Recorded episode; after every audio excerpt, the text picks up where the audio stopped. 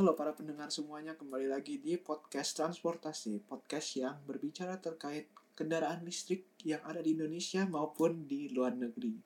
Oke, dan di podcast kali ini kita akan berbicara tentang taksi listrik, eh, temanya taksi listrik yang ada di Indonesia. Khususnya kalau taksi listrik ini kita baru bisa nemuin di Jakarta ya. Dan em, tren taksi listrik ini sendiri memang masih baru di Indonesia dimulai pada tahun eh, 2020 awal 2020 itu dengan kemunculan Grab Electric dan juga ada dari Bluebird dan juga Silverbird.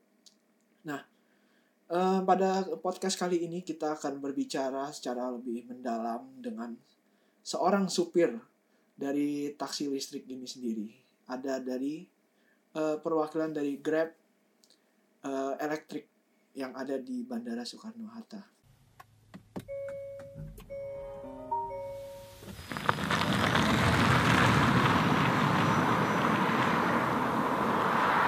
Selamat datang pendengar semuanya.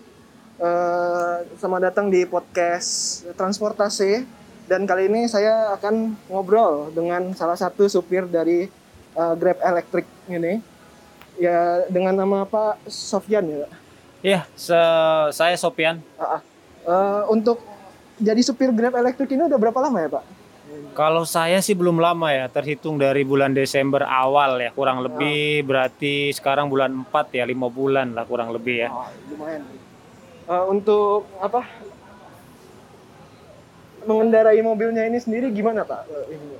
Kalau dari metode mengendarai sih sama ya, sama mobil pada umumnya, transmisinya matic, Ah, itu aja sih, nggak ada perbedaan, iya, iya. sama-sama. Terus untuk apa eh, Grab Electric ini udah ada dari kapan sih Pak sebetulnya? Launching dia awal 2020. 2020. 2020 dia awal launching. Jadi kurang lebih operasi khususnya di bandara ya, karena Oh, ini oh. memang mobil eh, apa eh, unit eh, transportasi khusus bandara. Eh, satu tahun empat bulan ya berarti kurang lebih. Iya. Tapi sempat kemarin sempat vakum sebentar off Hmm. dikarenakan kondisi eh, negara yang terkena dampak eh, Covid, COVID ya Iya, iya, iya. berapa bulan dari sebelum puasa tahun kemarin ya, 20. tahun 2020 dan baru beroperasi lagi di September Oktober lah baru beroperasi Oh. kembali gitu. Iya, iya. Karena kendala itu jadi beberapa bulan cukup sempat tidak beroperasi karena dikarenakan juga kan waktu itu bandara juga tidak beroperasi juga kan tutup Sepi juga. ya? Mm, jadi makanya kami juga waktu itu tapi dialihkan waktu itu ke eh, ada pihak eh, pemerintah minta bantuan untuk eh, relawan ya Oh. relawan rumah sakit Oh, antar jemput Iya, iya, eh, tim medis pakai ya Grab Electric pakai ini ya, grab Pak? elektrik ini Oh, gitu iya, iya. Eh, kurang lebih empat tiga empat bulan lah kurang lebih cuman waktu itu saya tidak ikut karena saya belum belum join Oh, waktu itu saya belum join waktu itu Iya. Terus untuk eh, unit armadanya ini udah ada berapa sih Pak sebetulnya?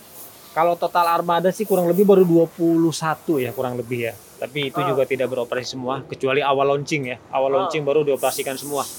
Belakangan ini dari semenjak kami aktif kembali dari bulan September Oktober itu ya paling hanya 60% dari total unit ya. Paling 10 12 unit kayak gitu-gitu paling.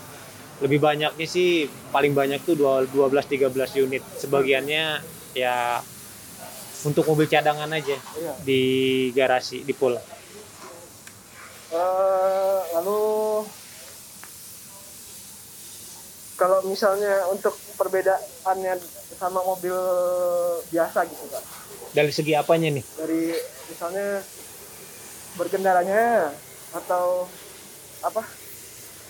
Beda operasi pengoperasiannya gitu Pak. Kalau pengoperasian sendiri sama, Sama halnya aja. dengan karena memang ini transmisinya matic ya. Transmisinya matic sama. Jadi eh, cuman bedanya dia hanya pakai tombol ya, Iya. tidak menggunakan tuas, hanya menggunakan tombol. Jadi sama untuk pengoperasiannya ya start engine terus kita mau maju atau mundur ya sama kayak matic biasa pada umumnya mobil-mobil matic lah cuman per- perbedaannya nggak pakai tuas aja Sama Gitu. perbedaannya dia nggak ada suaranya itu ya. Itu salah satunya karena memang kan mobilnya mobil pure 100% eh, listrik ya. Oh, oh. 100% listrik bukan hybrid ya. Kalau hybrid kan masih ada suara ya Ah, karena dia bensin, memang iya. memang ada bensin juga kan. Iya. Nah, kalau ini memang full 100% elektrik, jadi memang nggak ada suara, nggak ada knalpot dan memang nggak pakai oli mesin. Dan yang paling Oh. penting sih ya, yang paling penting dari kendaraan ini bebas polusi. Ya. Yang paling penting gitu. Eh, lalu untuk pengecasannya sendiri ini ini ngecasnya di mana sih pak? Kalau untuk stasiun pengecasannya saat ini sih ya eh, sudah cukup lumayan banyak dan meluas ya. Ah, ah. terutama DKI Jakarta bahkan sampai ke Pulau Jawa ya yang saya tahu itu udah cukup banyak banget ya dari mulai untuk luar kotanya sendiri luar daerahnya di Pulau Jawa itu dari mulai Bandung Cirebon, Palikanci, Semarang, Surabaya bahkan bahkan katanya sudah sampai Bali. Cuman saya belum pernah nyoba sampai Bali ya Iya. gitu. Jauh. gitu ya tapi kalau untuk ke Jakarta sendiri sih lumayan banyak ya. Sekarang ini udah ada beberapa tempat yang sering kami gunakan untuk ngecas ya. Kayak di salah satunya di eh, kantor di gedung PLN Gambir Ah. di Jalan M. Ridwan Rais terus di Jalan Fatmawati di pom bensin yang eh, SPBU Koko 31 terus di SPBU Koko 31 Lenteng Agung terus di SPBU Koko 31 MT Haryono terus di. Mall Karawaci, Lipo Karawaci untuk daerah Tangerangnya ya, Oh, Tangerang oh. Selatannya ada juga di Ion Mall eh, Oh, BSD, Iya. dan ada juga di kantor BPPT, tapi itu jarang kami gunakan karena dia beda beda tipe ya. Oh, Maksudnya eh, Beda colokannya. beda colokannya Oh. nah, gitu. Kalau untuk di bandara belum ada. Kalau untuk di bandara sendiri untuk pengecasan sih kalau untuk yang punya Grab sendiri sih belum ada ya. Ah, Kalau yang lain sih ada kayak untuk eh, kan Bluebird juga ada juga yang Iya. elektriknya ya. Ada tak kalau dia ada. Cuman nggak banyak cuman satu satu tempat ya. Satu tempat ada di Terminal 3 kalau nggak salah di parkiran internasional. Gitu. Tapi kami nggak pernah menggunakannya karena itu Nah, beda belum- beda brand ya, beda beda bendera, bukan bukan ya sama-sama transportasi tapi brandnya Beda beda, ini. gitu ya. Jadi kami belum pernah coba untuk sharing lah untuk pakai bersama gitu. Lalu eh, mau tanya juga kalau soal irit-iritan gitu pak sama mobil bensin gimana sih pak? Ekon eh, kalau rupiah ya Ah. dalam segi rupiah kalau kita hitung dibandingkan dengan eh, eh, bensin jauh lebih ekonomis. Oh, Lo jauh lebih ekonomisnya karena ini dengan full charge 100% itu bisa jarak tempuh kurang lebih 350 kilo. Kalau 0 dari 100% itu kami ngisi kurang lebih 5 sampai 60 kWh tapi jarang. Ah. kami paling 40 kWh atau 50 kWh. Kali 2500 per kWh berarti kalau 50 kWh per kali 2500 berarti hanya 125 125 ribu untuk 350 kilometer. Itu ya. Kalau dibandingkan dengan bensin bahan bakar minyak ya eh, terutama mungkin yang lebih tinggi apa sih di kita? Eh, Pertamax ya. Pertamax. Pertamax 10.000 di angka 10.000 ya satu liter. 350 kilo itu udah kurang lebih 25 liter lah ya kurang lebih kurang lebih 25 liter sampai 30 liter kali 10.000 udah 300 ribuan kurang lebih jadi ya sekitar 7 6 60 persen lebih hemat lah Hmm. kalau dibanding biaya kita beli bahan Bensin. bensin. Kalau kalau misalnya full charge begitu bisa berapa kali trip sih? Trip untuk Rata-rata ya? rata-ratanya rata-ratanya kalau dipakai untuk angkut penumpang Heeh.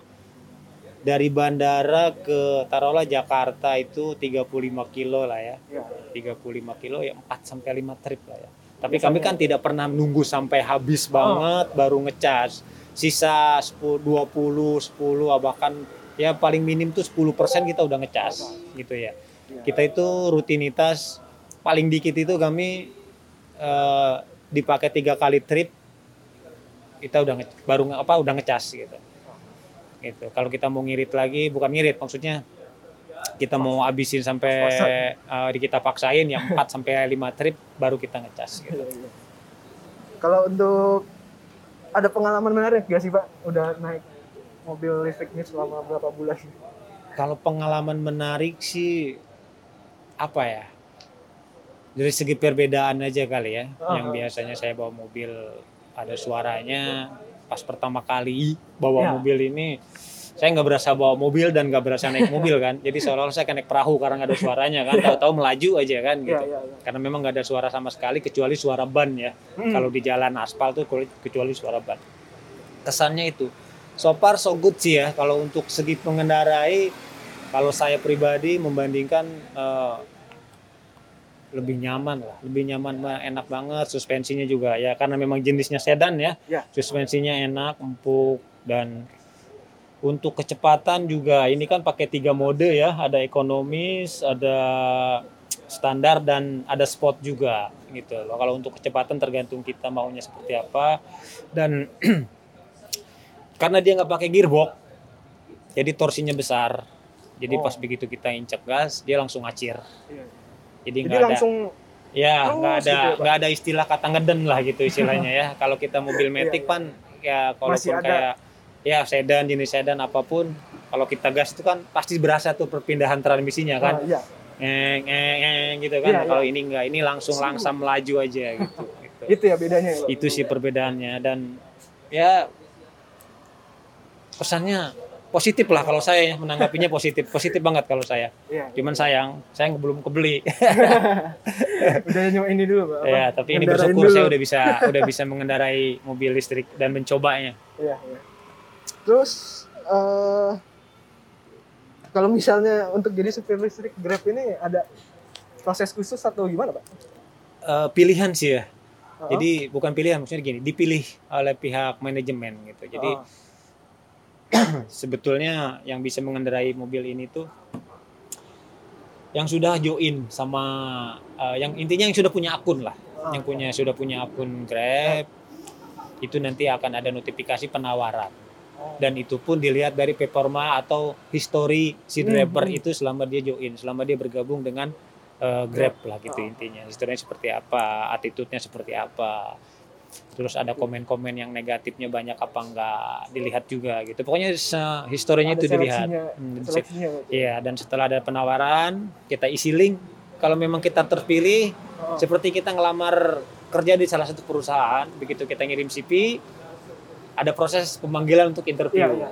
Interview, setelah interview ada tes lain, ya semacam psikotes, terus ada training juga gitu. Dari segi mengendarai, segi semuanya lah pokoknya karena Hmm. kita bekerja di di pelayanan ya gitu. Iya, jadi iya. semuanya gitu di training bukan hanya sekedar mengenda- mengendarai mobil aja gitu. Dari semuanya lah dari sikap attitude semuanya lah pokoknya di di training lah gitu intinya. Jadi dan itu pun setelah kita ada seleksi per interview pun itu belum 100% kita bakalan bisa join juga gitu itu ada tahapannya lagi ada penilaian lah dari dari setelah interview dan training itu ada ada nilai-nilai juga gitu kalau memang cocok ya mungkin ya seperti kita nggak beda-bedanya lah kita ngelamar ke PT gitu kan iya. mau ngajuin CV di- dilihat CV-nya nilainya bagus backgroundnya apa kan begitu kan Iya.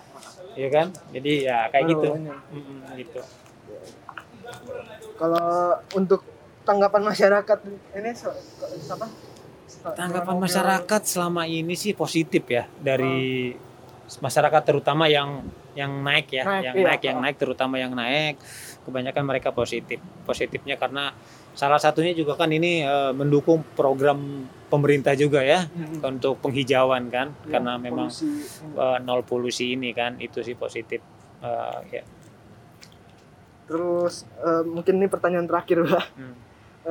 Kira-kira kalau apa?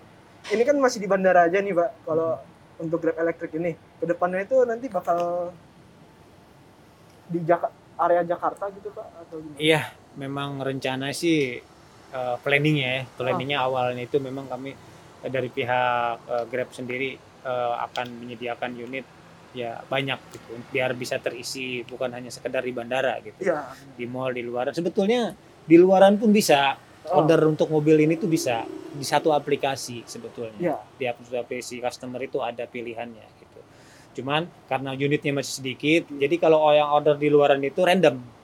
Setelah dia order random bisa kalau bisa memang dapat ini. ya kalau memang kami kebetulan ada yang dekat Oh, bisa dapat gitu. gitu. Kalau enggak ya enggak. Karena di luaran itu di aplikasinya itu nggak ada tulisan Grab Car, nggak ada pilihan Grab Car elektrik. Iya, iya. Masuknya Iya, ke iya. Grab Car Protect gitu. Jadi Ah, pas ah, begitu dia order dia random Kalau masuk ke mana dapat, aja gitu.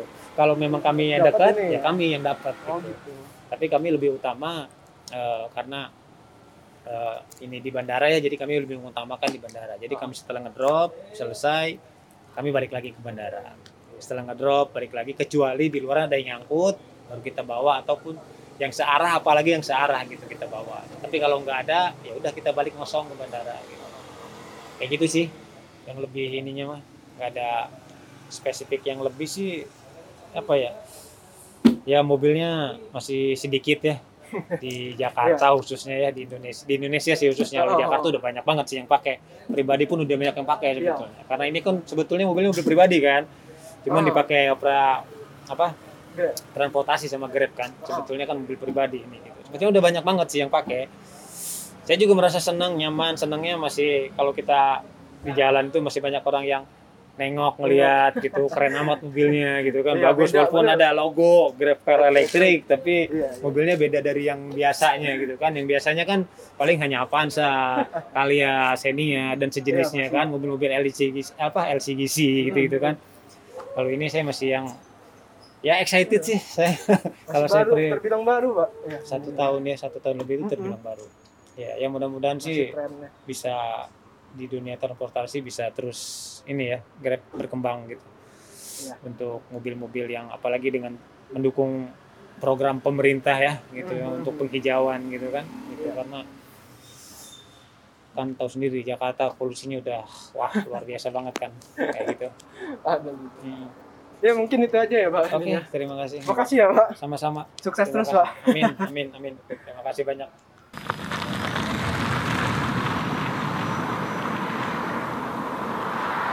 Iya, itu tadi perbincangan saya dengan salah satu supir Grab eh, elektrik.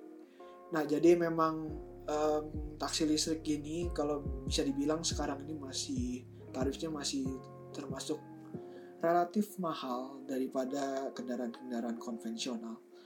Eh, namun jika dilihat eh, beberapa tahun ke depan, eh, misalnya teknologinya sudah eh, lebih mumpuni dan juga eh, kendaraan-kendaraan listrik ini semakin masif dan juga infrastrukturnya semakin lebih bagus mungkin eh, ke depannya bisa relatif lebih terjangkau dan juga relatif lebih murah di kalangan masyarakat Indonesia. Karena bisa dilihat juga karena perawatannya kendaraan listrik itu sendiri lebih sederhana lalu pemakaian energinya juga lebih efektif dan juga pengisian dayanya juga lebih murah di, di- kalau dibandingkan dengan kendaraan konvensional maka eh, besar kemungkinan eh, transportasi elektrik ini bisa dijadikan sebagai salah satu em, kendaraan yang bisa dibuat umum seperti itu.